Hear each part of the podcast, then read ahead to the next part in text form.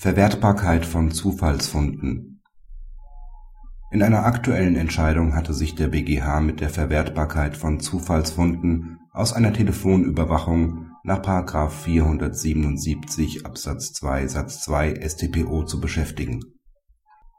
Im Zusammenhang mit einer Telefonüberwachung eines anderweitig verfolgten Verdächtigen hatten sich zufällig Hinweise auf eine Beteiligung des Angeklagten an einem besonders schweren Betrug ergeben das Landgericht hatte es abgelehnt, diese Beweismittel zu verwerten, weil der schwere Betrug zum Zeitpunkt der Anordnung und Durchführung der Telefonüberwachung noch nicht zu den Katalogtaten des § 100a StPO gehörte.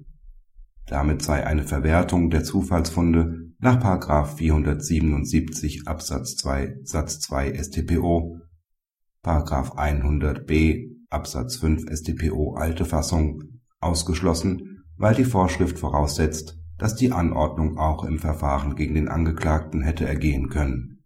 Auf die Revision der Staatsanwaltschaft hin hat der BgH die Verwertbarkeit indes zugelassen. Denn wenn sich im Verlauf eines Verfahrens die prozessualen Vorschriften ändern, so ist die neue Rechtslage maßgeblich. Zum Zeitpunkt der von der Staatsanwaltschaft begehrten Beweisverwertung war die rechtliche Grundlage hierfür mit § 100a Absatz 2 Nummer 1 (NStPO) gegeben. Ein schutzwürdiges Vertrauen des Angeklagten in die alte Rechtslage besteht nach Ansicht des BgH nicht.